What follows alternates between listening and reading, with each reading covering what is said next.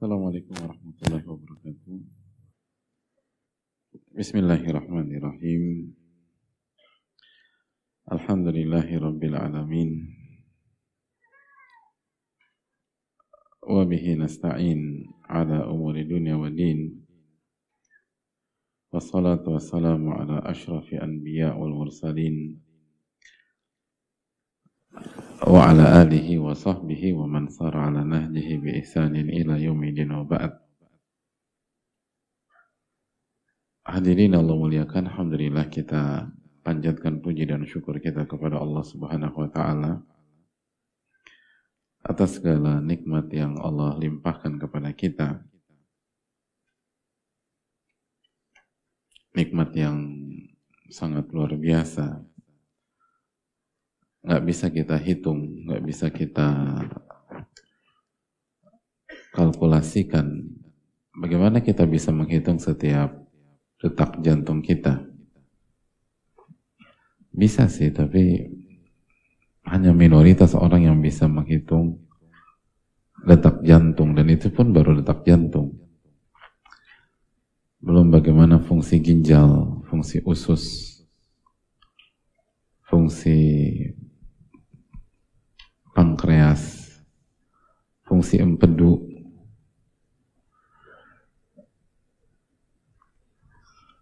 bahkan mohon maaf fungsi anus hadirin.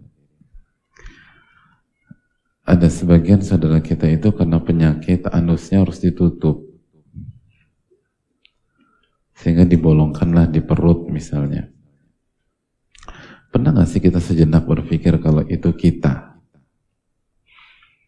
Dan semenjak itu kita sadar bahwa betapa mahalnya nikmat mohon maaf lubang anus kita tersebut.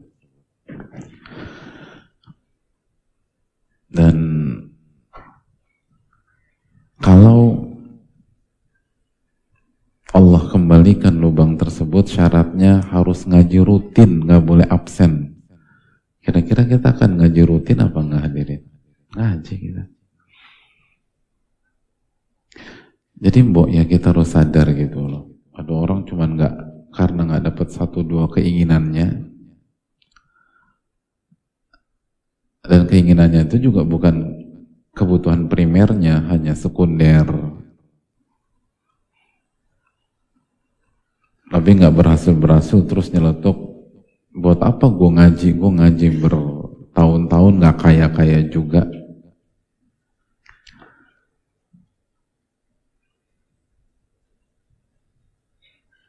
Padahal kaya itu kan kebut, bukan kebutuhan primer. Yang penting kan cukup hadirin. Dan hidup pas-pasan. Pas butuh, pas ada, kan enak hidup kayak gitu. Tapi itulah manusia, apa mikirnya tuh terlalu jauh. Makanya kan Allah berfirman, wa fi anfusikum afala tubsirun? Dan dalam diri kalian kenapa kalian nggak melihat? Kenapa gak, kalian nggak kenapa jauh-jauh gitu loh bicara itu tuh jauh banget. Padahal diri kita ini nih isinya penuh dengan nikmat Allah tabaraka wa taala. Dan kita uh, tidak sadar karena terlalu banyak dan tanpa henti sehingga jadi rutinitas dan kita nggak bersyukur sama sekali. Lalu kita fokus dengan yang tidak ada. Padahal seharusnya kita fokus dengan yang ada. Kita fokus mensyukuri yang ada. Tapi sering kali kita lebih suka mengeluhkan yang tidak ada. Makanya hidup kita sengsara.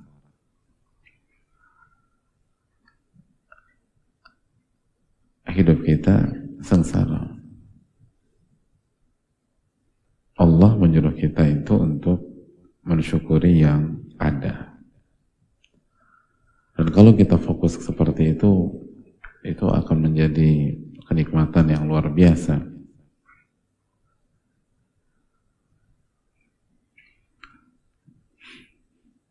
Makanya kan tadi dalam ayat tadi Wafi anfusikum afalatu tubsirun. Kita disuruh ngelihat yang ada gitu loh.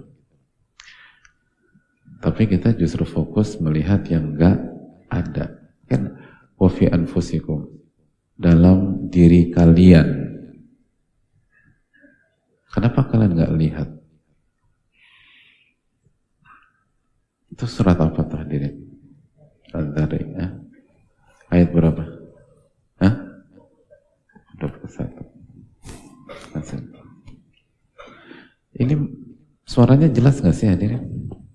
Jelas, jelas. Ya. Iya, apa mic masjid aja nggak suara? Saya sendiri nggak bisa menikmati suara saya. Yang pertama memang suara saya jelek, itu yang pertama. Yang kedua kayaknya ada masalah dengan sound, nggak tahu ya. Bener ada masalah? Nggak. Atau pakai mic yang bisa dipegang tuh kan enak tuh sering kali. Tes cek. Ah ini kan lebih enak lah. Lebih enak mana hadirin? Yang ini atau yang ini? Yang ini. Nah, yang sekarang apa yang tadi sebelumnya? Sekarang ya. Ya, jadi uh, hadirin yang Allah muliakan, coba latih diri kita demikian. Dan terus wa amma bi ni'mati rabbika fahaddith. Adapun nikmat Rabbmu itu ceritakan hadirin. Latihlah diri kita membicarakan nikmat-nikmat Allah dan nggak usah yang jauh-jauh gitu loh.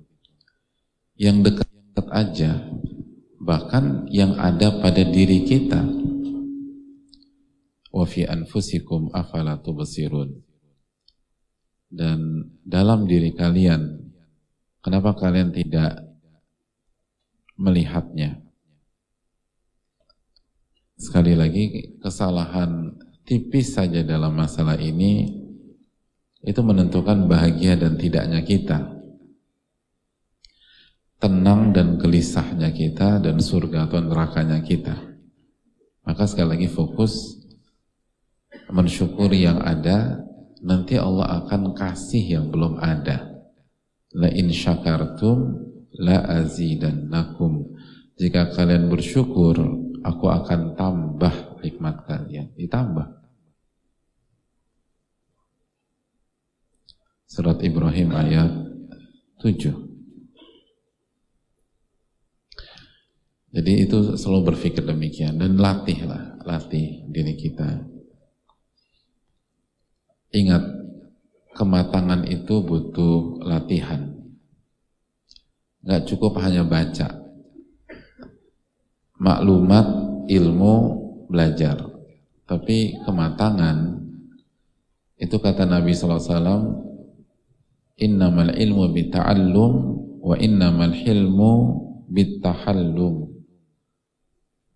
Sesungguhnya ilmu itu dengan dipelajari, dan kematangan kedewasaan itu dengan dilatih. Dihadapkan dengan kehidupan real lalu latihlah jiwa anda.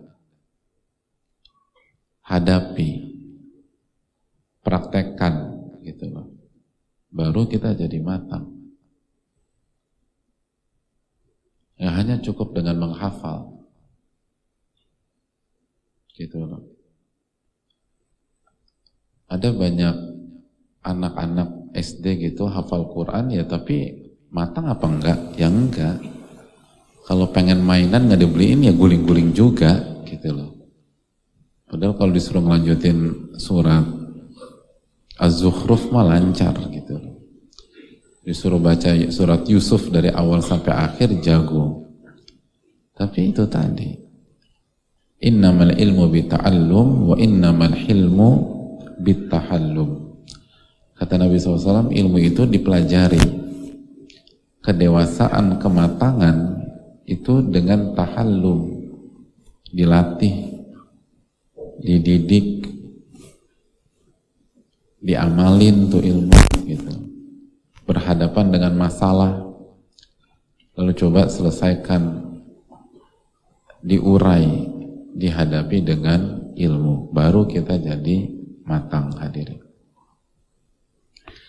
Nah itu semoga kita bisa jadi orang-orang yang bukan hanya memahami tapi juga matang dan menjadikan ilmu sebagai karakter. Sebagaimana dijelaskan Al-Hafidh Ibnu Hajar rahimahullah, semoga Allah rahmati beliau. Uh, Saral fikhu sajiyah. Ilmu itu jadi karakter. Yaitu yang uh, poin yang perlu kita camkan. Oleh karena itu kita bersyukur kepada Allah Subhanahu wa taala yang telah meringankan langkah kaki kita dan membuka pintu hidayah dalam hati kita sehingga kita bisa bersimpuh di masjid ini dalam rangka beribadah bertakarub kepada Allah Subhanahu wa taala dan di awal ini sekali lagi ikhlaskan niat hadirin. Awalul ilmi niyah kata para ulama. Awal ilmu itu itu dengan niat. Setiap kita harus tanya buat apa saya datang? Apa motif saya? Apa tujuan saya? Benarkah mencari wajah Allah? Benarkah kita datang untuk bertakwa? Kata Sufyan Atsauri rahimahullah, salah satu ulama klasik besar, "Innama yutlabul ilmu liyuttaqullahu bihi." Ilmu itu dipelajari untuk dijadikan sarana bertakwa kepada Allah. Bertakwa sebagai sarana menjalankan perintah dan menjauhi larangan. Itu intinya. Itu yang itu menjadi PR kita. Dan hadirin yang Allah muliakan, kita pun bersyukur kepada Allah. Kita dimudahkan untuk hadir di majelis di momen yang penuh berkah ini. Gitu loh. Di banyak wilayah Jakarta diguyur hujan, diguyur hujan dan kalau dengar kata hujan berarti berarti apa hadirin? Keberkahan atau halangan? Ah, jujur, jujur, jujur, jujur, jujur, jujur, jujur masuk surga. Ilah benar kan inna sidqa yahdi ilal bir wa innal birra yahdi ilal jannah. Sesungguhnya kejujuran itu membawa kita pada kebaikan dan kebaikan akan membawa kita pada surga. Wa innal kadhiba yahdi ilal fujur wa innal fujura yahdi ilal nar. Dan Nabi juga sallallahu alaihi wasallam bersabda di kelanjutan hadis tersebut dan sesungguhnya kebohongan itu menyeret kita ke kefajiran. Lalu kefajiran itu menyeret kita ke neraka. Ah itu. Jadi coba kalau hujan nih, hari apa waktu kajian atau hari kajian, eh mau keluar rumah hujan. Nah itu halangan atau keberkahan yang membuat kita jadi semakin semangat gitu. Nah, coba.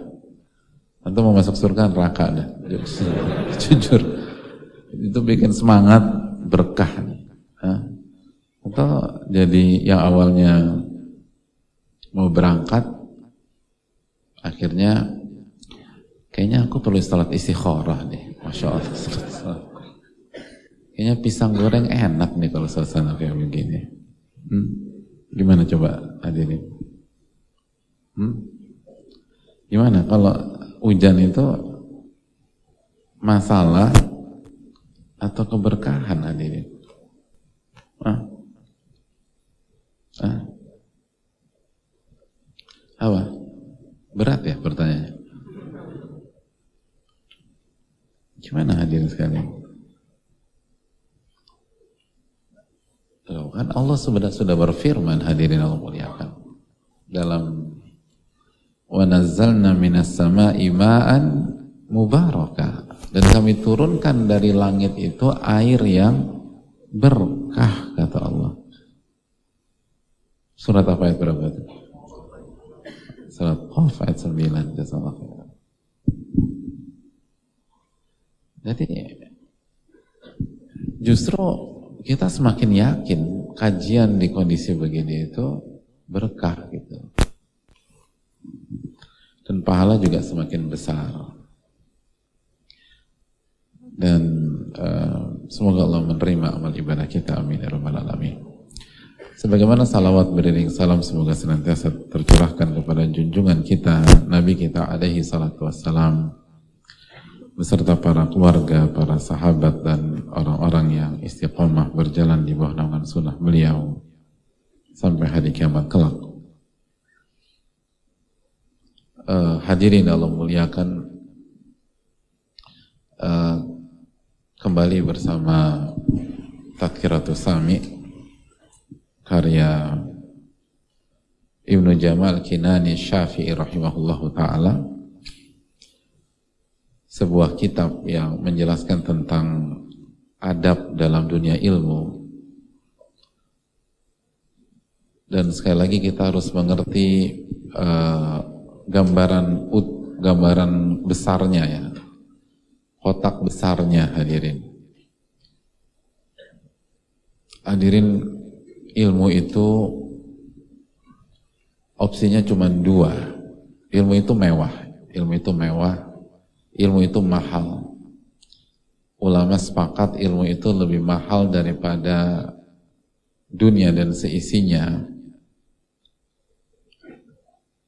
Namun fakta yang nggak bisa kita lupakan bahwa ilmu itu itu seperti uh, pedang bermata dua. Kata Nabi SAW, hujjatun lak wa alaik, akan menjadi penolong syafaat kepadamu atau menjadi bumerang yang menyerangmu. Itu ilmu.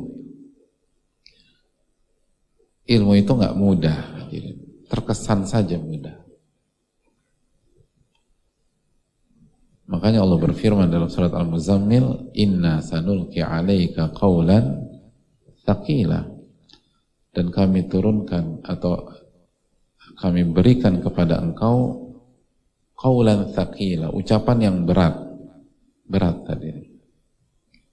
Gak mudah. Nah otomatis sesuatu yang berat itu nggak bisa dipikul oleh sembarang orang. Nggak mungkin sesuatu yang berat itu nggak mungkin dipikul oleh sembarang orang. Nah di sinilah masuk isi kitab kita. Hanya orang yang punya adab yang bisa memikul beratnya ilmu. Itu Pak.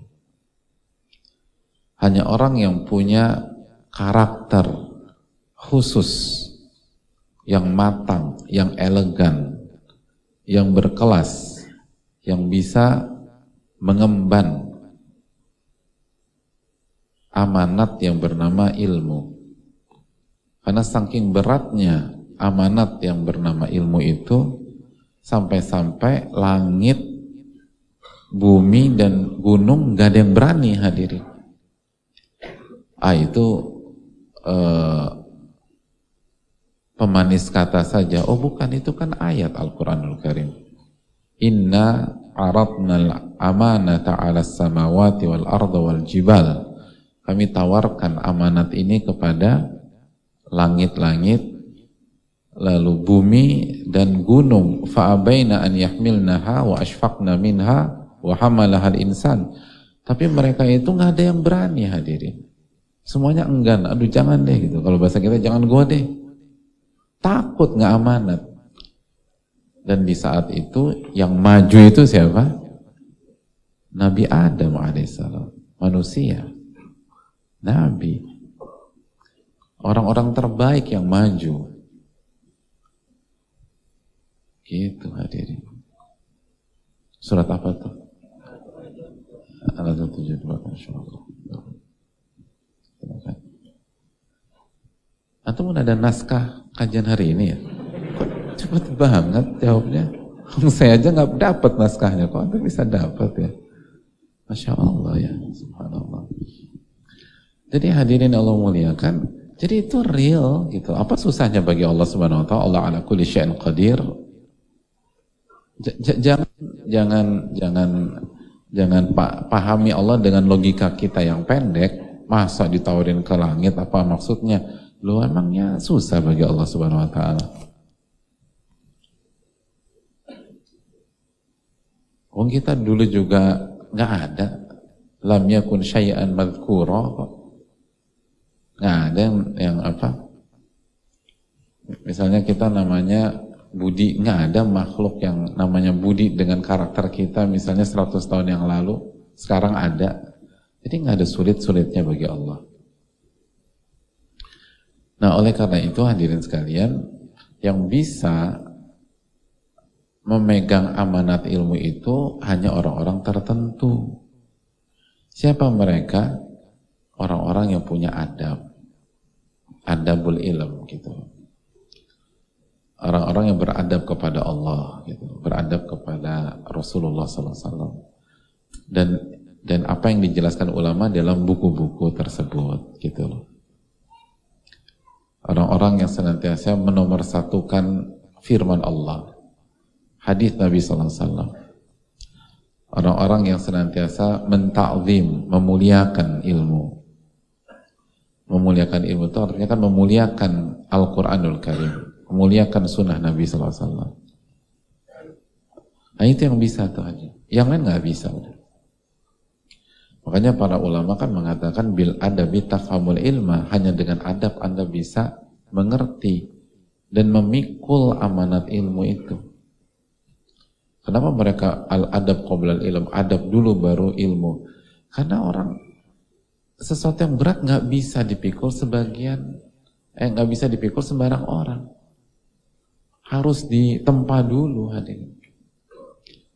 Kita nggak pernah latihan, kita nggak pernah walk out, kita nggak pernah nge-gym misalnya, tiba-tiba disuruh ngangkat barbel seberat 150 kilo ya patah-patah tuh tulang kita hadirin.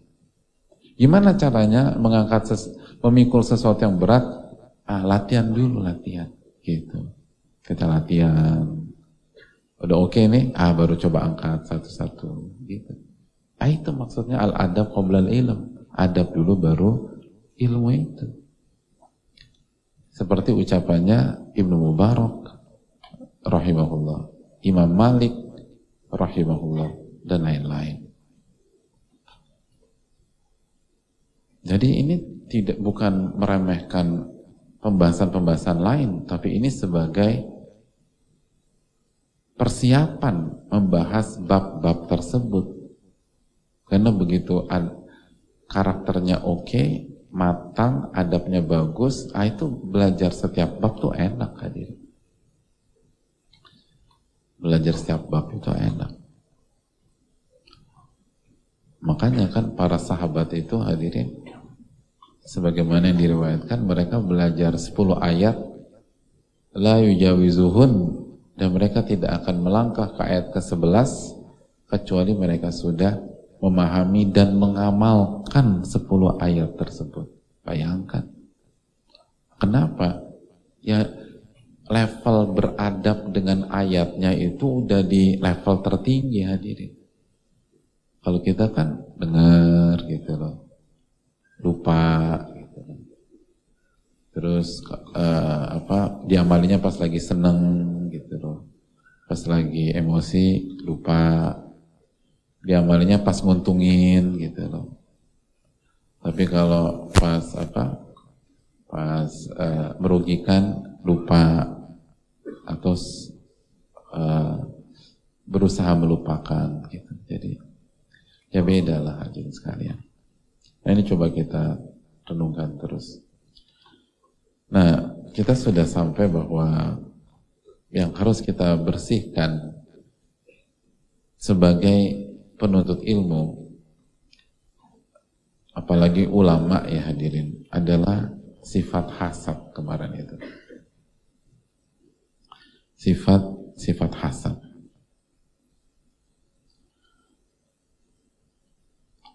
Dan kita sudah jelaskan bahwa hasad itu berharap agar nikmat orang lain itu hilang, berakhir, lenyap, baik itu diambil alih oleh kita atau tidak. Ya udah penting hilang aja, dia nggak pantas dapat itu. Gitu. Jadi orang teman kita yang nikah, kita yang sewot gitu loh. Padahal kita nggak tertarik juga sama istrinya gitu loh. Cuman bagi kita muka kayak dia nggak pantas nikah gitu. Misalnya, lo misalnya gitu. Muka kayak dia tuh pantas, kok dia bisa dapat jodoh ya? Kesel kita. Saking sebelnya sama ke orang. Jadi hadirin Allah muliakan. Dan ini ini akan menggagalkan kita jadi mendapatkan ilmu nafi. Walaupun rajin ngaji, walaupun suka duduk di majelis, walaupun kenal sama ahli ilmu atau ustadz dan guru-guru. Kalau kita punya sifat hasad, maka itu masalah besar. Dan hadirin Allah muliakan, dan kalau kita lihat keterangan para ulama ya, dan ini penting terus kita ingatkan karena ini induknya dosa hadirin. Induknya dosa. Bahkan sebagian ulama seperti Ibnu Atiyah Ibnu Atiyah dalam kitab tafsirnya apa nama kitab tafsir Ibnu Atiyah? Nah ini kayaknya nggak ada di naskah. apa kitab tafsir Ibnu Atiyah? Hah? Hah? Apa? Hah? Hah? Yakin nggak itu? Hah? Al-Muharrul Wajiz. Nah.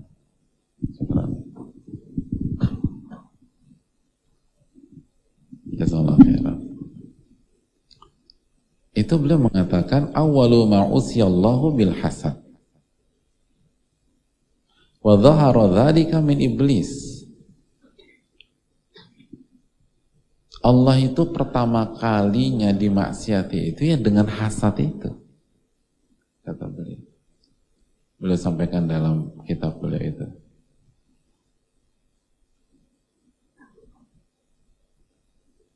Dalam kitab apa tadi? Al-Muharrar Kalau Tahrir Tanwir tulisan siapa hadirin? Ibnu Ashur. Yang jawab sama tadi. Ah, dapat lagi juga. Dapat dua. Jadi Allah itu pertama kali dimaksiat itu dengan hasad hadirin. Iblis hasad sama Nabi Adam. Jadi memang nggak heran, ini induknya dosa udah. Induknya dosa. Makanya kita dinasihatin banyak sebagian ulama harus terus diingatin nih gitu. Diri kita, masyarakat, umat ini harus terus diingatin. Dan sebagaimana ulama mengatakan bahwa maksiat pertama di muka bumi hasad juga. Yaitu Qabil dan Habil. Dan pembunuhan pertama yang terjadi di muka bumi gara-gara hasad juga itu. Oleh karena itu hadirin Allah muliakan yang harus kita tekankan dan ini penting bagi penuntut ilmu bahwa obat yang terbaik sekali lagi. Ya, harus terus kita ingetin resepnya. Obat yang terbaik, baik dari pihak yang hasad maupun dari pihak yang dihasati. Gak ada lain, gak ada bukan, yaitu al-luju ilallah. Kembali kepada Allah. Mentauhidkan Allah, mengesahkan Allah mengagungkan Allah. Kenapa demikian hadirin Allah muliakan? Karena dia sebagaimana dijelaskan oleh sebagian para ulama bahwa kalau kita tarik benang, eh, bukan garis lurus ke belakang ya, bahwa salah satu penyebab, mungkin ini penyebab utama terjadinya hasad itu apa? Penyebab teknis pertama terjadinya hasad apa? Ah? Tenang, tenang, jangan emosi. Coba pikirin lagi.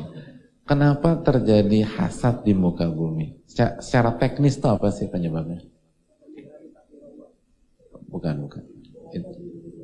Enggak, ya. Bukan, bukan. Teknis, teknis, teknis. Teknis. Ah. Ingin tahu? Kepo. Aduh repot. Kepo. Jadi kalau kepo itu hasad. Kata uh, apa? Pamer. Kalau pamer hasad. Hadirin, saya tuh seneng loh, antum nggak bisa jawab semua tuh. Loh enggak, berarti kan antum belum berpengalaman dalam hasad gitu loh. Kalau antum expert, cepat jawabnya. Pengalaman ya mas ya, gitu. Loh ini kan berarti ini kayaknya amatiran dalam dunia hasad perhasatan. Alhamdulillah. Kayaknya bersih-bersih hati kita. Jadi nggak ngerti apa itu. Hasad itu menu apa ya Pak Ustadz ya? Aku belum pernah dengar gitu, jadi agak sulit. Coba. Ini kalau jawabannya benar jadi tersangka loh. Sudah dipikirkan masak-masak loh. Sudah dipikirkan masak-masak Apa? Melihat enggak? Udah, udah, udah. Emang amatiran semuanya. enggak, enggak bercanda. Kata Al-Jurjani hadirin Allah muliakan bahwa akar hasad itu tuh at-tafadul. Nah itu. Iya dong. At-tafadul. Apa tafadul itu? Hmm? Hah? Bukan, bukan, bukan. At-tafadul itu perbedaan dalam kenikmatan, dalam kelebihan, dalam sifat dan seterusnya. Itu. At-tafadul. Ada si kaya, ada si miskin. Nah itu tafadul. Ada yang ganteng, ada yang enggak. Ada yang cantik, ada yang tidak. Ada yang tinggi, ada yang pendek. Itu tafadul. Iya dong, iya enggak sih? Sehingga tafadul itu melahirkan kata kata para ulama terjadinya per apa uh, perbedaan itu melahirkan kompetisi gitu lah. Baik kompetisi langsung maupun kompetisi terselubung. Nah, itu. Nah, kompetisi dan eh, perbedaan dan kompetisi inilah yang nanti ujung-ujungnya hasad hadirin. Gitu loh. Karena sering kali kalau tidak ada kompetisi, hasad itu nggak ada. Contoh misalnya, yang ranking satu itu rentan hasad nggak sama yang ranking dua? Hah? Rentan lah jadi. Karena kadang-kadang kan akumulasi, nanti dia kalah di sini, kalah di sini.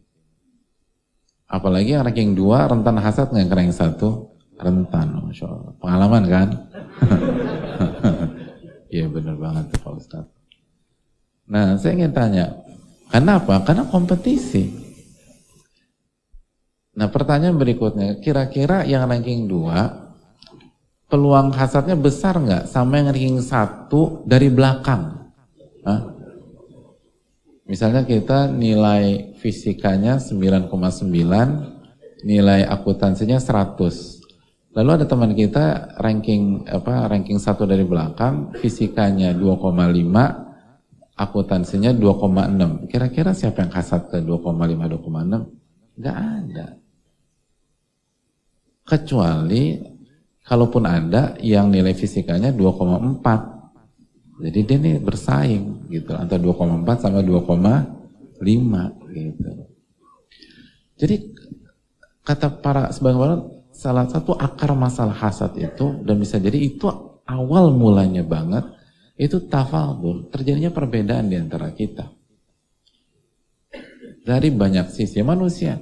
Nah kalau sudah berbicara tentang perbedaan seperti ini, tinggi, pendek, miskin, kaya, tampan dan tidak, cantik dan tidak. Nah itu kan sudah berbicara tentang fi'lun min af'alillah.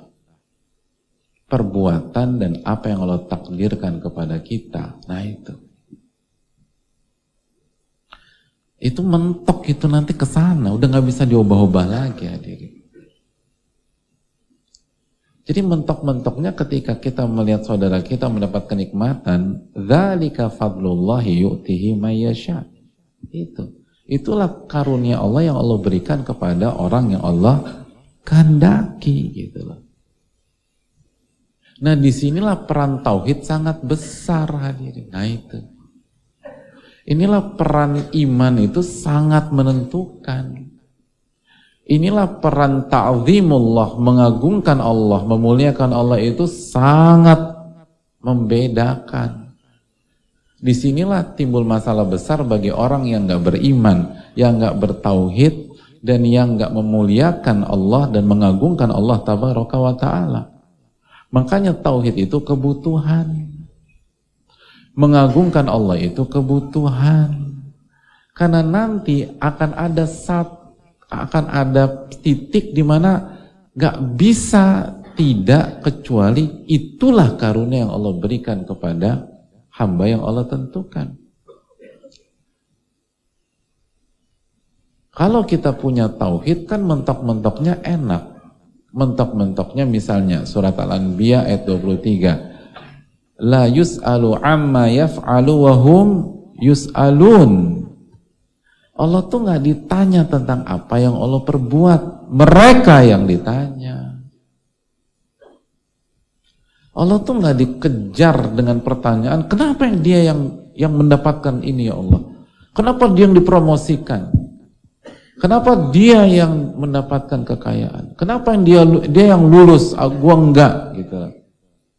Dan seterusnya demi seterusnya. Allah nggak ditanya itu. La yus'alu amma yaf'al. Allah nggak ditanya. Wahum yus'alun. Mereka yang ditanya. Kita yang ditanya. Itu bukan domain kita lagi. Itu bukan domain kita lagi. Sama hadirin. Ketika ada orang hasad kepada antum. Kenapa dia hasad kepada anda? Oke, kita, antum dapat banyak kenikmatan. Emangnya kenikmatan serupa cuman kita doang. Ada banyak, kenapa ke saya sih? Kan mentok-mentok itu ujian Allah kepada anda. Li ba'din fitnatan atasbirun wa kana rabbuka basira. Surat apa itu? Kami jadikan interaksi di antara kalian itu ujian. Sabar nggak ngadepinnya? Surat apa? Ma, ma, makhluknya mana hadirin? Coba angkat tangan gitu loh. Mari kita berhadapan satu lawan satu. Ah itu itu. Ah ini Al-Quran 20 ini. Uh, ada. Ini. Jadi makanya hadirin Allah muliakan.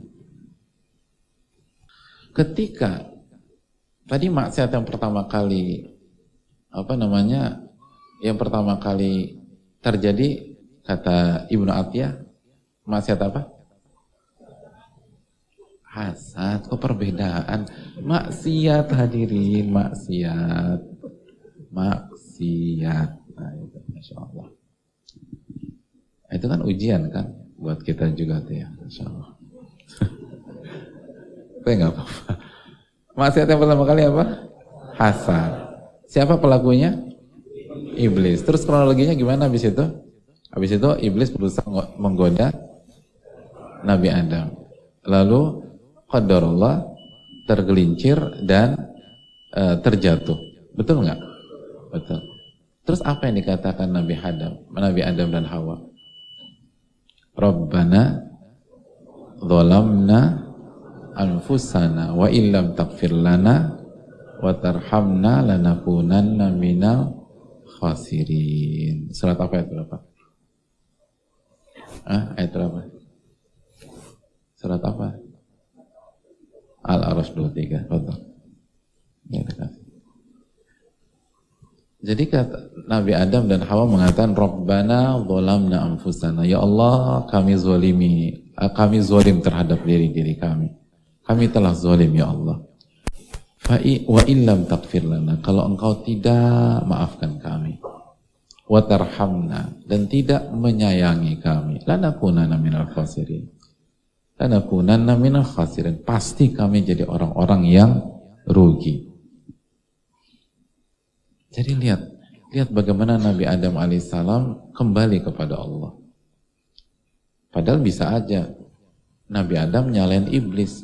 Itu gara-gara Ya Allah ini gara-gara si iblis ya Allah. Dia hasad sama aku ya Allah. Coba ya Allah gitu. Ah, enggak. Kan itu bukan solusi yang menenangkan jiwa hadirin.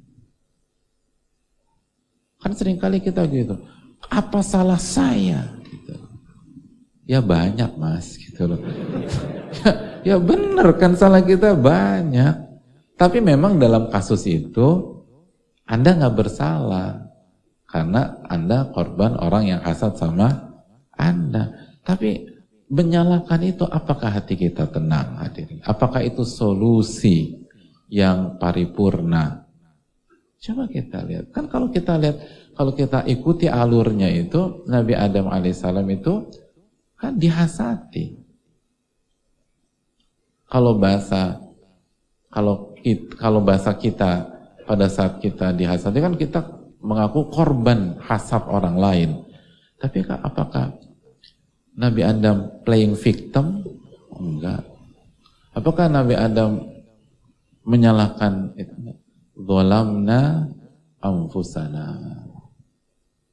Itu. Wa illam taghfir lana wa tarhamna lanakunana minal khasirin. Jadi mau, ha, ma, mau bicara hasad dari sisi A, sisi B, sisi pelaku dan sisi korban, gak ada solusi kecuali kembali kepada Allah Subhanahu wa taala itu. Kan itu tadi mentok-mentok itu tafadul. Ini teradanya perbedaan, perbedaan harta, perbedaan rizki, perbedaan segala macam. Itu yang memicu hasad. Nah kalau ada perbedaan, ya Allah yang menentukan bukan kita. Kita ini hamba. Hamba itu sami'na wa ata'na. Itu tadi. Kita akan lanjutkan insyaAllah setelah salat maghrib berjamaah. Wassalamualaikum warahmatullahi wabarakatuh. Assalamualaikum warahmatullahi wabarakatuh.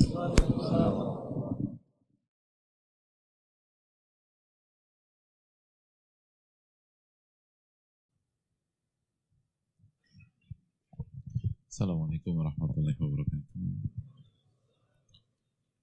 Bismillahirrahmanirrahim. Alhamdulillahi rabbil alamin. Wa bihi nasta'in ala umuri dunya wad din. Wassalatu wassalamu ala ashrafi anbiya wal mursalin wa ala alihi wa sahbihi wa man sara ala nahjihi bi ihsanin ila yaumil wa ba'd. Uh, hadirin Allah muliakan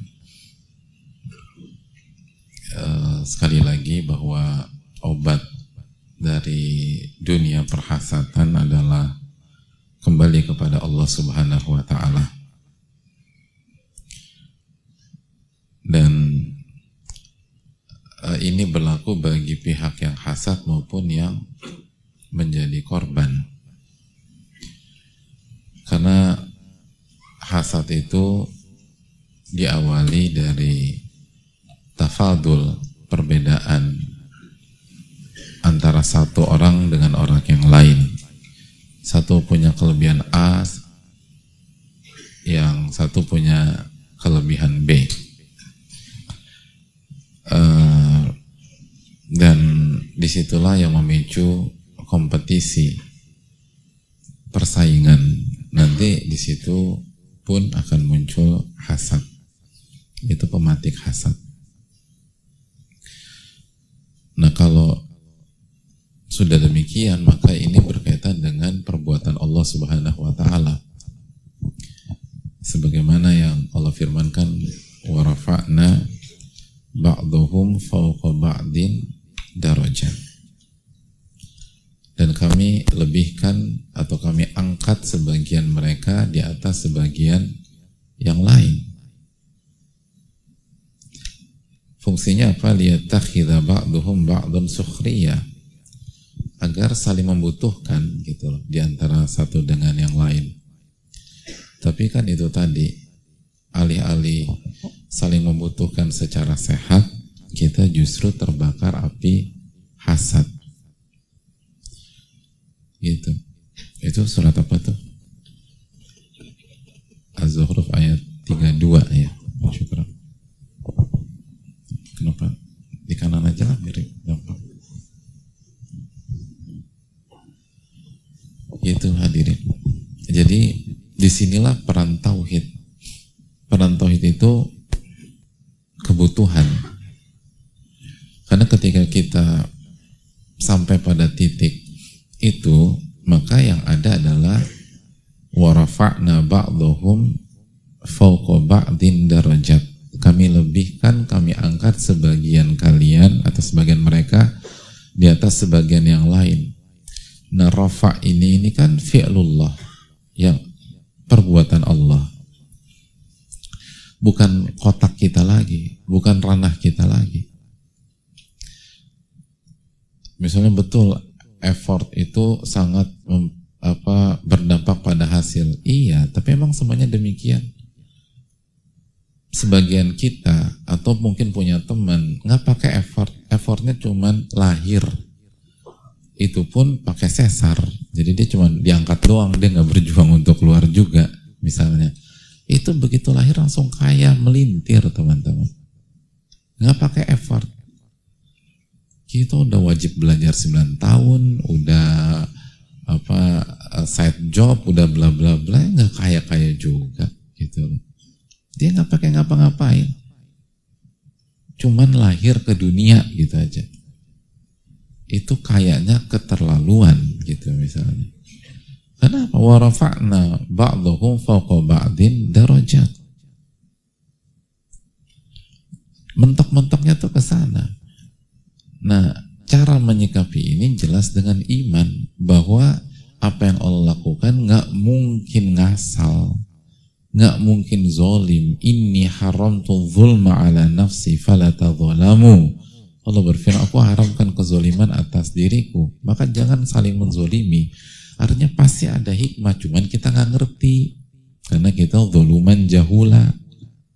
Pasti ada pelajaran pasti nguntungin kita itu pasti makanya sukhriya biar kalian tuh saling membutuhkan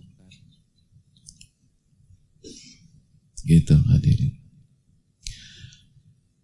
Makanya kan orang beriman selalu mengatakan Rabbana ma khalaqta hadza batila subhanaka faqina adzabannar. Engkau tuh nggak mungkin ciptakan ini tanpa alasan tuh nggak mungkin. Makanya kan yang dibutuhkan iman lagi-lagi hadirin. Ini yang penting. Jadi kalau kita mau menjaga diri kita dari hasad, iman yang harus dikuatkan. Lalu kembalikan segala sesuatu kepada Allah. Dan yakin gitu loh bahwa kalau Allah sudah tetapkan, Allah sudah takdirkan, Rabbana ma khalaqta hadza batila. Ya Allah engkau nggak mungkin, gak mungkin menciptakan ini tanpa tanpa alasan. Karena sebuah kebatilan, tanpa hikmah, gak mungkin. Pasti ada hikmah. Cuman kita belum tahu. Nah itu. Cuman kita belum ngerti dan selingkali kita nggak pernah tahu secara detail, tapi jelas itu menguntungin kita. Ada yang baru ngahnya setelah 10 tahun kemudian, eh udah keburu hasad duluan sama tuh orang. Berarti kan rugi 10 tahun kita hasad. Oleh karena itu hadirin Allah muliakan uh, ini yang perlu ditekankan tekankan terus tentang masalah iman ini loh. Masalah tauhid kita terhadap nama-nama dan sifat-sifat Allah. Iman kita kepada perbuatan-perbuatan Allah Subhanahu wa taala. Dan di sinilah penuntut ilmu itu berbeda dengan orang yang nggak belajar. Karena penuntut ilmu senantiasa mengedepankan imannya. Senantiasa mengedepankan tauhidnya. Senantiasa membaca sebuah episode kehidupan dengan keyakinannya kepada Allah dan pengagungannya kepada Allah tabaraka wa taala itu. Makanya mereka lebih memilih beriman daripada ribetin itu karena mereka yakin pasti ada hikmah. Wa asa an takrahu syai'an wa huwa khairul lakum wa asa an tuhibbu syai'an wa huwa syarrul lakum. Bisa jadi yang kalian nggak suka tuh itu yang terbaik buat kalian dan yang kalian sukai justru buruk buat kalian. Wallahu ya'lam wa antum la ta'lamun. Allah yang Maha tahu. Kalian nggak tahu apa-apa kata Allah. Nggak tahu apa-apa. Maka jangan sok tahu. Makanya kegalauan kita sering kali karena kesok tahuan kita. Nanti kalau gini, nanti jadinya begini deh. Nggak juga hadirin. Allah yang maha tahu. Kalian nggak tahu. Surat apa tuh tadi? Yang itu udah, udah dapat belum tadi? Oh, belum, belum. Syukur. Itu yang perlu kita camkan. Jadi semua obat hasad ini larinya ke sini udah. Kalau kita kuat sama Allahnya, kembali kepada Allah, ah itu. Makanya kenapa iblis hasad? Kan sebagian ulama mengatakan karena iblis itu mengedepankan akal dibanding nakal gitu. Lalu dia berdalih bahwa api lebih baik daripada tanah gitu loh. Itu karena mengedepankan logika fasid kata para ulama. Jadi dia nggak mengedepankan iman atau tauhid, tapi dia kedepankan pola pikirnya. Makanya lahirlah kalimat ana khairun minhu. Aku lebih baik daripada dia. Itu. Khalaqtani minnar wa khalaqtahu min tin. Engkau ciptakan dia dari api dan engkau eh engkau ciptakan aku dari api dan aku eh, engkau ciptakan dia dari tanah. Lalu dijelaskan sebagian para ulama kata siapa api lebih baik daripada tanah. Jadi dalam ilmu usul fikih lau salam najadalah kalau kita terima kalau atau kalau kita ladenin argumentasi iblis kata siapa api lebih baik daripada tanah. Gitu loh. Kata siapa? Mungkin di satu dua sisi ya, tapi secara umum enggak juga. Enggak juga hadirin. Gitu hadirin. Antum punya satu meter api. Harganya berapa satu meter api? Hmm? Dengan antum punya satu meter tanah di SCBD. Ah, lebih mahal mana tuh? Ya itu tadi kan itu belum tentu juga apa yang bagus daripada tanah. Jadi makanya hasad itu yang lahir. Makanya itu penyakit kita tuh ngedepanin perasaan, ngedepanin akal, padahal akal kita terbatas. Nggak mengedepankan iman dan tauhid kita kepada Allah. Gitu hadirin ngandelin logika. Padahal logika kita tiga tahun yang lalu dengan sekarang aja jauh beda. Gitu loh. Kita yang usia 35, 37 misalnya. Coba kita apa lihat ke belakang. Logika kita di usia 20, 21. Yang di 20, 21 bagi kita harga mati. Gitu loh. Prinsip hidup. Gitu loh. Sekarang sebagiannya memang benar nggak berubah tuh Ya Allah. Paling kita nengok senyum-senyum sendiri. Kok gue dodol banget dulu ya gitu kadang-kadang nih. Kok kayak gitu dibilang prinsip hidup? Ya itu. Kayaknya udah mantep. Logika tuh berkembang hadirin dan berubah. Tapi wahyu tidak. Wahyu dari dulu sampai sekarang ya begitu, yang tetap tetap aja benar gitu loh. Jangankan do, di usia 20. Kita logika jam 2 malam sama jam 7 pagi sama atau beda? Gitu loh. Jam 2 malam kita baru tidur jam 1 gitu. Dibangunin sampai terkaget-kaget jam 2. Disuruh mikir dengan kita tidur 8 jam tadi malam, lalu disuruh mikir masalah yang sama jam 7 pagi, kira-kira sama atau beda? Beda. Kita baru, kita kerja kerja lembur, baru tidur jam 1, jam 2 telepon bunyi, ternyata sahabat kita curhat. Dia ribut sama bininya jam 1 malam, habis ribut-ribut gitu, dia nggak tenang dia telepon kita jam 2 malam. Terus dengan panik gue lagi ribut berat besar sama bini gue nih. Eh, gitu kita kan kita gimana menurut lu bro? Kira-kira gue talak gue cerain aja nggak? Ya. Bener bro. Nah. sekarang? Ya iyalah. Sekarang ya bro ya? Iya gue mau tidur.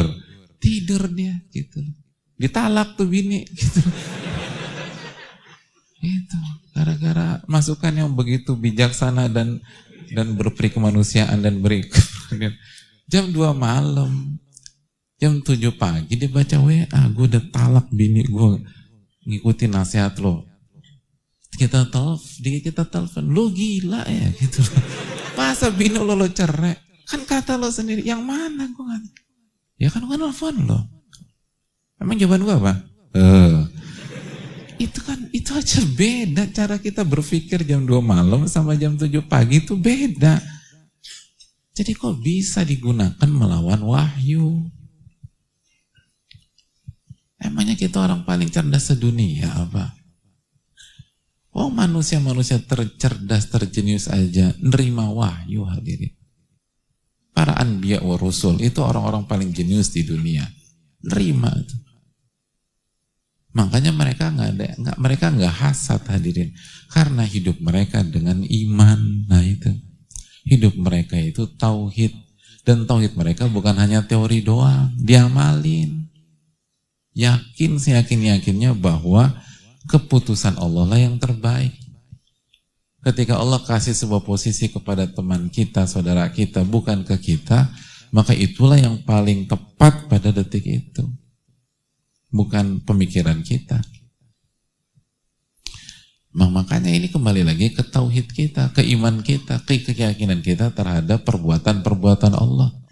Seyakin apa kita dengan alaihissallahu bi ahkamil hakimin? Bukankah Allah yang pemutus yang maha bijak dan paling bijak? Gitulah. Makanya ini pentingnya ilmu kan begitu. Makanya dulu itu kan sekali lagi dulu tuh para ulama kita, para uh, para orang-orang soleh, para wali-wali Allah, itu kalau belajar ilmu, imannya nambah hadirin. Imannya nambah. Makanya ta'alau nu'min sa'atan. Mari sejenak, mari kita beriman sejenak, nambahin iman gitu. Ilmu, ilmu tuh menenangkan hadirin. Tenang gitu asal ilmunya benar. Ilmunya harus tentang iman. Harus mentauhidkan dan mengesahkan Allah Subhanahu wa taala dalam nama dan sifat-sifat Allah, dalam perbuatan-perbuatan Allah dan dalam ibadah kepada Allah Subhanahu wa taala. Gitu. Jadi itu, Bro. Dan jangan samakan. Kan kita udah kita udah baca tiap hari. Walam yakullahu kufuwan ahad kan. Gak ada yang serupa dengan Allah. Jadi jangan nggak boleh sok tahu kita di hadapan Allah Subhanahu wa taala. Nah mungkin itu yang bisa disampaikan hadirin semoga kita dijaga sama Allah dari sifat hasad dan ini bukan tentang sebatas nggak suka ngelihat orang suka eh, nggak suka ngelihat orang senang. Tapi ini berkaitan dengan iman kita terhadap perbuatan-perbuatan Allah. Apa yang Allah berikan kepada kita dan apa yang Allah berikan kepada dia. Seyakin apa bahwa yang Allah berikan itu pasti yang terbaik untuk kita dan pasti yang terbaik untuk dia jika kita tepat meresponnya dengan uh, pertolongan Allah Subhanahu wa taala. Kita buka sesi tanya jawab. Wassalamualaikum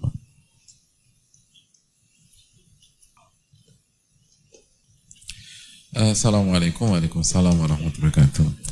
Uh, Afan izin bertanya Ustaz, bagaimana hukumnya jika kita khilaf membalas orang yang selalu berbicara buruk tentang kita karena terpancing emosi? Kesel karena sering difitnah. Akhirnya saya membela diri dengan melabrak orang tersebut. Apakah uh, kita berdosa Ustaz? Jazakallah khairan. Uh, terima kasih atas pertanyaannya. Uh, perlu diperinci hadirin Allah muliakan. Perlu diperinci. Kenapa demikian? Karena pembahasannya cukup uh, uh, cukup banyak dalam atau cukup didetailkan gitu loh. Misalnya uh, Allah Subhanahu wa taala berfirman dalam surat uh, Asy-Syura, "Walladzina idza asabahumul baghyu hum yantasirun." Dan orang-orang yang apabila di uh, mendapat perlakuan yang buruk, hum yantasirun, mereka bela diri, hadir. Mereka ngebela gitu itu surat? Eh, surat ayat berapa tuh hadirin? Ayat 39 ya dalam surat Asyura. Terus ayat berikutnya apa? Ayat ke-40. Wa jaza'u sayyi'atin sayyi'atun mitluha. Dan balasan keburukan keburukan yang setimpal lah gitu. Jadi ngebalas yang setimpal. Namun ayatnya nggak berhenti sampai di sini hadirin. Faman afa barang siapa memaafkan wa aslah dan memperbaiki fa'ajruhu 'ala Allah maka Allah yang akan memberikan pahalanya. Innahu la yuhibbul zalimin. Dan Allah tuh nggak suka dengan orang-orang zalim. Jadi hadirin sebagian ulama mengatakan bahwa ada dua opsi. Yang pertama kita balas yang kedua kita maafkan. Dan opsi yang terbaik itu memaafkan. Dengan catatan juga balasnya itu dengan kriteria yang berlaku. Artinya setimpal. Terus dan yang kedua juga ini nggak berkaitan dengan uh, hak Allah Subhanahu Wa Taala. Misalnya selingkuh balas selingkuh ini nggak benar juga. Karena zina itu atau menjaga kehormatan itu hak Allah Subhanahu Wa Taala. Makanya kita walaupun belum punya istri suami nggak boleh zina karena ini masalah hak Allah tabaraka wa taala. Jadi eh, makanya membalas itu boleh tetapi kriterianya tuh banyak hadirin. Kalau kita nggak kalau kita nggak memenuhi kriterianya bisa jadi kita yang zolim, kita yang dosa. Makanya sebaiknya pilih opsi yang kedua, memaafkan. Itu yang pertama. Yang kedua, ngelabrak atau ngejawab itu nggak membuat hati tenang, hadirin. Karena tenang itu bukan di di melabrak orang. Tenang itu dengan zikrullahi azza wajal. Dengan berzikir kepada Allah Subhanahu wa taala. Ala bi dzikrillah tatmainnul qulub. Ketahuilah dengan mengingat Allah hati jadi tenang. Surat apa tuh? Ar-Ra'd ayat ah 28 gitu. Jadi surat Ra'd ayat 28 hadirin ketenangan itu dengan dengan apa? Dengan berzikir. Terus yang ketiga, kita tuh di di apa ya diomongin buruk, difitnah itu nggak merugikan kita hadirin, nggak merugikan kita. Itu justru mengangkat derajat kita di dunia maupun di akhirat, gitu loh. Dan terbukti kok nama-nama besar itu apa nggak lepas dari hal demikian Ya kan kaidahnya sabda Nabi SAW, inna likulli uh, na'imin hasuda. Sesungguhnya orang yang punya nikmat itu pasti ada penghasatnya. Dan salah satu yang dilakukan penghasat itu adalah apa memfitnah dan membicarakan keburukannya itu poinnya. Dan dan nikmat ter, ter, tertinggi adalah nikmat ilmu, nikmat iman. Makanya orang-orang beriman, para ulama, para aulia itu banyak yang hasad sama mereka. Tapi pertanyaannya apakah itu menjatuhkan mereka di dunia dan di akhirat? Enggak. Tetap aja mereka namanya berkibar dan langgeng gitu. Dan yang hasad hilang hadirin. Hilang udah. Kalau para ulama, para aulia Sampai detik ini kita merasakan kenikmatannya. Bahkan eh, mayoritas umat itu hanya tahu tentang nama besarnya.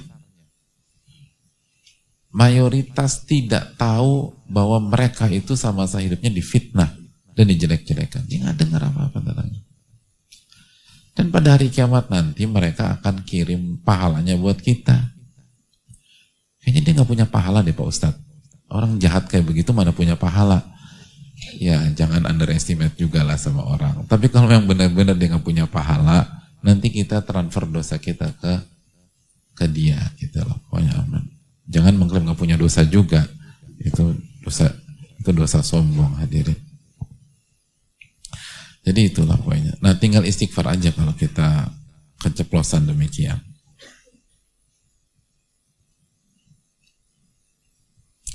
Assalamualaikum warahmatullahi wabarakatuh. Waalaikumsalam warahmatullahi wabarakatuh. Assalamualaikum wa iyyakum. Oh ya, tadi penanya tadi saya ingin ingatkan jangan lupa mendoakan uh, Ibnu Jamaah rahimahullah, ulama-ulama kita yang kasih ilmu kepada kita. Jangan lupa tuh mendoakan yang memberikan kebaikan, memberikan ilmu itu perintah Rasul sallallahu alaihi wasallam. Bahkan Rasulullah SAW bukan meminta kita mendoakan orang yang sudah memberikan kebaikan, tapi membalas man sona ilaikum ma'rufan fakafi'uh. Barang siapa yang berbuat baik kepada anda balaslah perbuatan baiknya. Kalau anda nggak bisa balas baru doakan dia sampai anda merasa sudah membalasnya. Jadi sebatas mendoakan itu opsi terakhir. Karena kita nggak bisa ngebales kalau kita bisa kita diperintahkan membalas jadi kalau kita nggak mendoakan ya terus kita gimana? Padahal kita disuruh bersyukur kepada Allah dan salah satu bersyukur kepada Allah adalah bersyukur kepada manusia. Itu yang perlu kita camkan. Uh, Assalamualaikum warahmatullahi wabarakatuh. Waalaikumsalam warahmatullahi wabarakatuh. Assalamualaikum wa iyyakum. Semoga para ulama, ustadz, keluarga, panitia, dan seluruh kaum muslimin selalu dalam rahmat Allah. Amin. Ya Rabbal Alamin. Jalan kita untuk istiqomah tidak lepas dari ilmu. Kita jalan kita untuk istiqomah tidak lepas dari ilmu guru dan teman. Qadar Allah saya disuruh orang tua untuk resign kerja di Jakarta dan pulang ke kampung. Yang membuat saya berat bukan karena meninggalkan pekerjaan di sini, tapi karena kajian rutin, teman-teman, dan lingkungan yang sudah terlanjur nyaman. Berat hati saya untuk meninggalkan kajian yang setiap pekannya saya duduk di sana. Dan saya takutkan saya susah istiqomah di kampung Ustadz karena kajian di sana jarang hanya seminggu sekali dan lingkungan keluarga juga masih awam jadi membutuhkan ekstra kesabaran menahi mereka. Saya mau nasihat Ustadz dan saya mohon saran langkah apa yang harus saya lakukan. Jazakallahu warahmatullahi fikum. Uh, terima kasih atas pertanyaannya. Uh, dalam ilmu usul fikih itu ada pembahasan apa hukumnya tinggal di negeri yang gak ada ahli ilmunya. Boleh apa enggak? Dan banyak ulama mengatakan nggak boleh hadirin. Karena kalau nggak ada ilmu, bagaimana kita mengamalkan talabul ilmi faridatun ala kulli muslim? Bagaimana kita mengamalkan fas'alu ala dzikri in kuntum la ta'lamun? Bertanyalah kepada ahli ilmu jika kalian tidak mengetahui. Namun dengan perkembangan teknologi komunikasi, maka pembahasannya, kesimpulannya tidak setelah seletarlek itu. Itu dijelaskan sebagian pakar usul fikih di antara Syekh Sa'ad Syatri.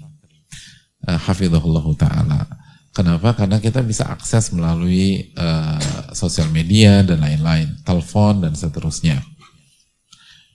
Tapi intinya adalah bahwa kan dalam masalah ini kita kembali ke ilat kan al hukmu yaduru ma'illatihi wujudan wa adama. Artinya para ulama kita ketika menjelaskan masalah itu ilatnya adalah akses ilmu gitu loh. Akses istiqomah. Kalau akses istiqomah dan akses ilmunya nggak ada dan setiap kampung, setiap negeri, setiap kota itu beda-beda. Maka itu kata para ulama kita nggak bisa tinggal di sana. Tapi kalau bisa, kalau ada, maka bisa tinggal di sana. Nah, ini ada nih, tapi kurang ideal. Kalau gitu coba buka uh, apa uh, forum dan uh, pintu komunikasi dengan orang tua hadirin. Ini kan buktinya ada nih dan sosial media juga banyak sekarang. Ya udah, tapi nggak seideal di di kota kita misalnya. Coba bicaralah sama orang tua. Seringkali masalah-masalah ini itu bisa mendapatkan win-win solutionnya tuh bisa kok. Jadi kan taat kepada perintah orang tua selama tidak maksiat itu kan bukan berarti tidak membuka sesi atau forum diskusi dengan orang tua kita. Wong Nabi Ibrahim aja masih bertanya kepada Ismail gitu loh. Ini arafil manami anni atbahuka fangdur madza taro. Aku bermimpi aku uh, diperintahkan menyembelihmu Bagaimana menurutmu wahai anakku? Ya abatif alma tu'mar satajiduni insyaallahu minas sabirin. Wahai ayahku, lakukan apa yang Allah perintahkan. Insyaallah engkau dapatkan aku dalam kondisi orang-orang yang sabar. Jadi hadirin Allah muliakan itu itu Nabi alaihi salatu wassalam masih buka sesi diskusi. Jadi pentingnya uh, komunikasi, pentingnya uh, tukar pikiran, pen, uh, pentingnya menyampaikan argumentasi. Jadi coba dulu deh gitu, lobby-lobby uh, dan uh, apa uh, argumentasi kita dan disampaikan dengan cara yang bijak ke orang tua kita. Dan banyak kasus itu mendapatkan win-win uh, dalam masalah-masalah seperti ini. Dan banyak doa sama Allah Subhanahu wa taala. Ini yang sering kali kita lupakan. Kita sering kali lupa berdoa kepada Allah Jalla wa ala. uh, pertanyaan terakhir hadirin.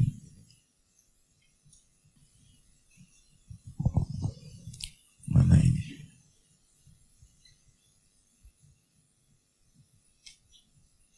Assalamualaikum Ustaz Waalaikumsalam warahmatullahi wabarakatuh Semoga Ustaz selalu dalam lindungan Allah subhanahu wa ta'ala Amin ya rabbal alamin Hadis Nabi mengatakan Pilihlah wanita yang baik agamanya Maka kalian akan beruntung Eh, sebelum saya lanjutkan, sekali lagi jangan lupa doakan Ibnu Jamaah, para ulama kita, para guru-guru kita yang sudah memberikan uh, ilmu kepada kita itu menentukan keberkahan ilmu kita sendiri. Uh, dan ini edukasi yang harus kita ulang-ulang terus. Kita lanjutkan. Selama kenalan sampai dengan lamaran, saya telah beristiqorah tentang pilihan saya kepada seorang wanita untuk saya nikahi tapi tidak ada mimpi. Ya kan emang kita mau nikah di kenyataan hadirin. Oh, maksudnya nggak ada mimpi isi horor ya. ya, ya. Uh, wanita yang saya kenal tersebut muslimah dan rajin ikut kajian. Namun saya membatalkan lamaran karena tidak mendengarkan omongan saya saat dinasehati. Kami coba hubungi ibunya untuk diberikan pemahaman, namun yang bersangkutan tetap kekeh dengan pendapatnya. Ibu saya coba hubungi dia, tapi dia tidak mau menerima telepon. Ibu saya tersinggung dengan cara dia memperlakukan beliau sehingga tidak merestui untuk dilanjutkan lamaran ini. Karena khawatir hanya memilih saya saja. Saya berpikir ini petunjuk dari Allah untuk saya.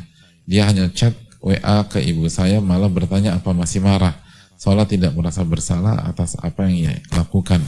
Karena sudah minta maaf ya chat saja namun tidak ada itikad sungguh-sungguh dari dia dan keluarga untuk menahi permasalahannya. Ini. Saya minta saran ke Ustadz bagaimana jika saya mem, saya pilih wanita yang baik akhlaknya kepada saya dan ibu saya saja. Namun agamanya mungkin standar aja tidak ikut kajian. Standar. Ya, pertanyaan standar siapa kan itu hadir. Jadi standar tuh sangat rancu hadirin, sangat rancu. Uh, terus pandangan wanita yang sering kajian nam, karena ilmu banyak sehingga egonya tinggi, nggak nurut dibilangin membuat saya lebih lebih berhati-hati memilih. Hmm, nggak juga hadirin. Jadi gini loh. Uh, coba kita tanya ibu-ibu di belakang. Emang benar ibu-ibu wanita yang banyak kajian egonya tinggi? Iya, ya.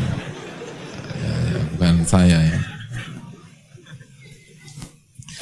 Gini hadirin, uh, pertama yang perlu kita camkan bahwa masalah bukan pada status pendidikan dan ilmu. Masalah ada pada arogansi. Dan memang ilmu itu memiliki sisi itu. Sebagaimana dijelaskan Wahab bin Munabbih rahimahullah.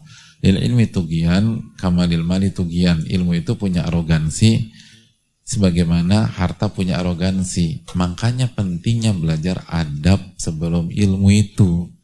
Biar kita dapat sisi ilmunya dan arogansinya terpendam, terkubur, terkontrol oleh adab yang sudah kita pelajari. Itu penting. Jadi terlalu prematur ketika kita mengatakan ini gara-gara udah ngaji. Tapi perlu kita kita kejar lagi ngajinya bagaimana, yang dipelajari benar atau salah, dan seterusnya. Lalu yang yang berikutnya juga jawaban istiqoroh nggak harus dengan mimpi hadirin tidak harus bisa saja tapi nggak ada nggak keharusan dan tidak ada dalil uh, mengharuskan harus ada mimpi tapi Allah akan tunjukkan terus juga hadirin yang Allah muliakan bahwa uh, di antara wanita yang direkomendasikan sebagaimana yang dinukilkan oleh Al-Mawardi rahimahullahu taala uh, dalam riwayat uh, Umar bin Khattab atau diriwayatkan dari Umar bin Khattab adalah uh, al-mujarribah bihusnil aql wa kamalihi gitu loh. Jadi wanita-wanita yang punya pengalaman hidup gitu loh. Dan akalnya itu jalan gitu, bukan hanya disuapin gitu-gitu enggak, tapi dia bisa bisa membaca peta gitu loh. Bisa uh, bisa mengejawantakan ilmunya dengan bijak.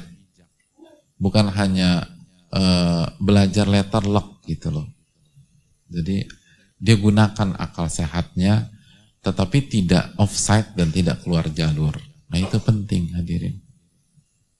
Jadi itu yang dikatakan oleh uh, Al-Mawardi rahimahullah ta'ala ketika menukilkan riwayat dari Umar bin Khattab radhiyallahu ta'ala Jadi nggak semuanya demikian gitu loh. Ibu-ibu di belakang saksinya kok itu. Mereka tahu lah dan uh, banyak minta pertolongan kepada Allah dan uh, apa ya kalau tidak cocok kalau sudah diupayakan uh, apa solusinya bukan bukan apa uh, belum belum belajar agama dan seterusnya. Karena itu sama saja menghindari masalah A masuk ke masalah B gitu aja. Karena penting sangat penting. Sangat uh, penting. Uh, ilmu itu uh, bagi wanita itu urgent banget gitu, sangat urgent. Allah taala alam uh, bisa. Saya rasa cukup sampai di sini. Semoga Allah memberikan taufik kepada kita. Uh, Jazakallahu khairan. Subhanakallahumma la ilaha illa anta astaghfiruka wa ilaik. Assalamualaikum warahmatullahi wabarakatuh. Alhamdulillah, atas taufik dari Allah Subhanahu wa taala, kegiatan Muhajir Project Tilawah hingga saat ini berjalan dengan 43 guru, 718 peserta hits, 64 peserta mahir, 234 peserta hits.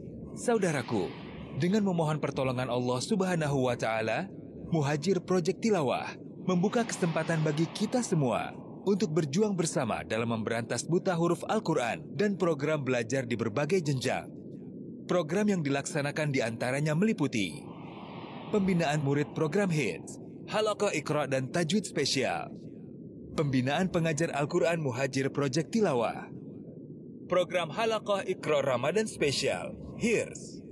Program Halakoh Tahsin Al-Fatihah. Program kelas bahasa Al-Quran. Program pembinaan Dai Islam. Serta program lainnya. Belajar dan mengajarkan Al-Quran merupakan amal soleh yang penuh dengan pahala jariah. Insya Allah. Bahkan, Rasulullah Shallallahu Alaihi Wasallam menyebut umatnya yang belajar dan mengajarkan Al-Quran sebagai manusia terbaik. Dari Utsman bin Affan radhiyallahu anhu, beliau berkata bahwasanya Nabi Shallallahu Alaihi Wasallam bersabda, sebaik-baik orang di antara kamu adalah orang yang belajar Al-Quran dan mengajarkannya. Hadis riwayat Bukhari. Sampaikan dukungan terbaik kita semua ke Bank Syariah Indonesia 451 1111 811 166 atas nama Yayasan Muhajir Peduli Indonesia. Semoga Allah menerima amal kita semua. Follow Muhajir Project Tilawah di Facebook dan Instagram at Muhajir Project Tilawah.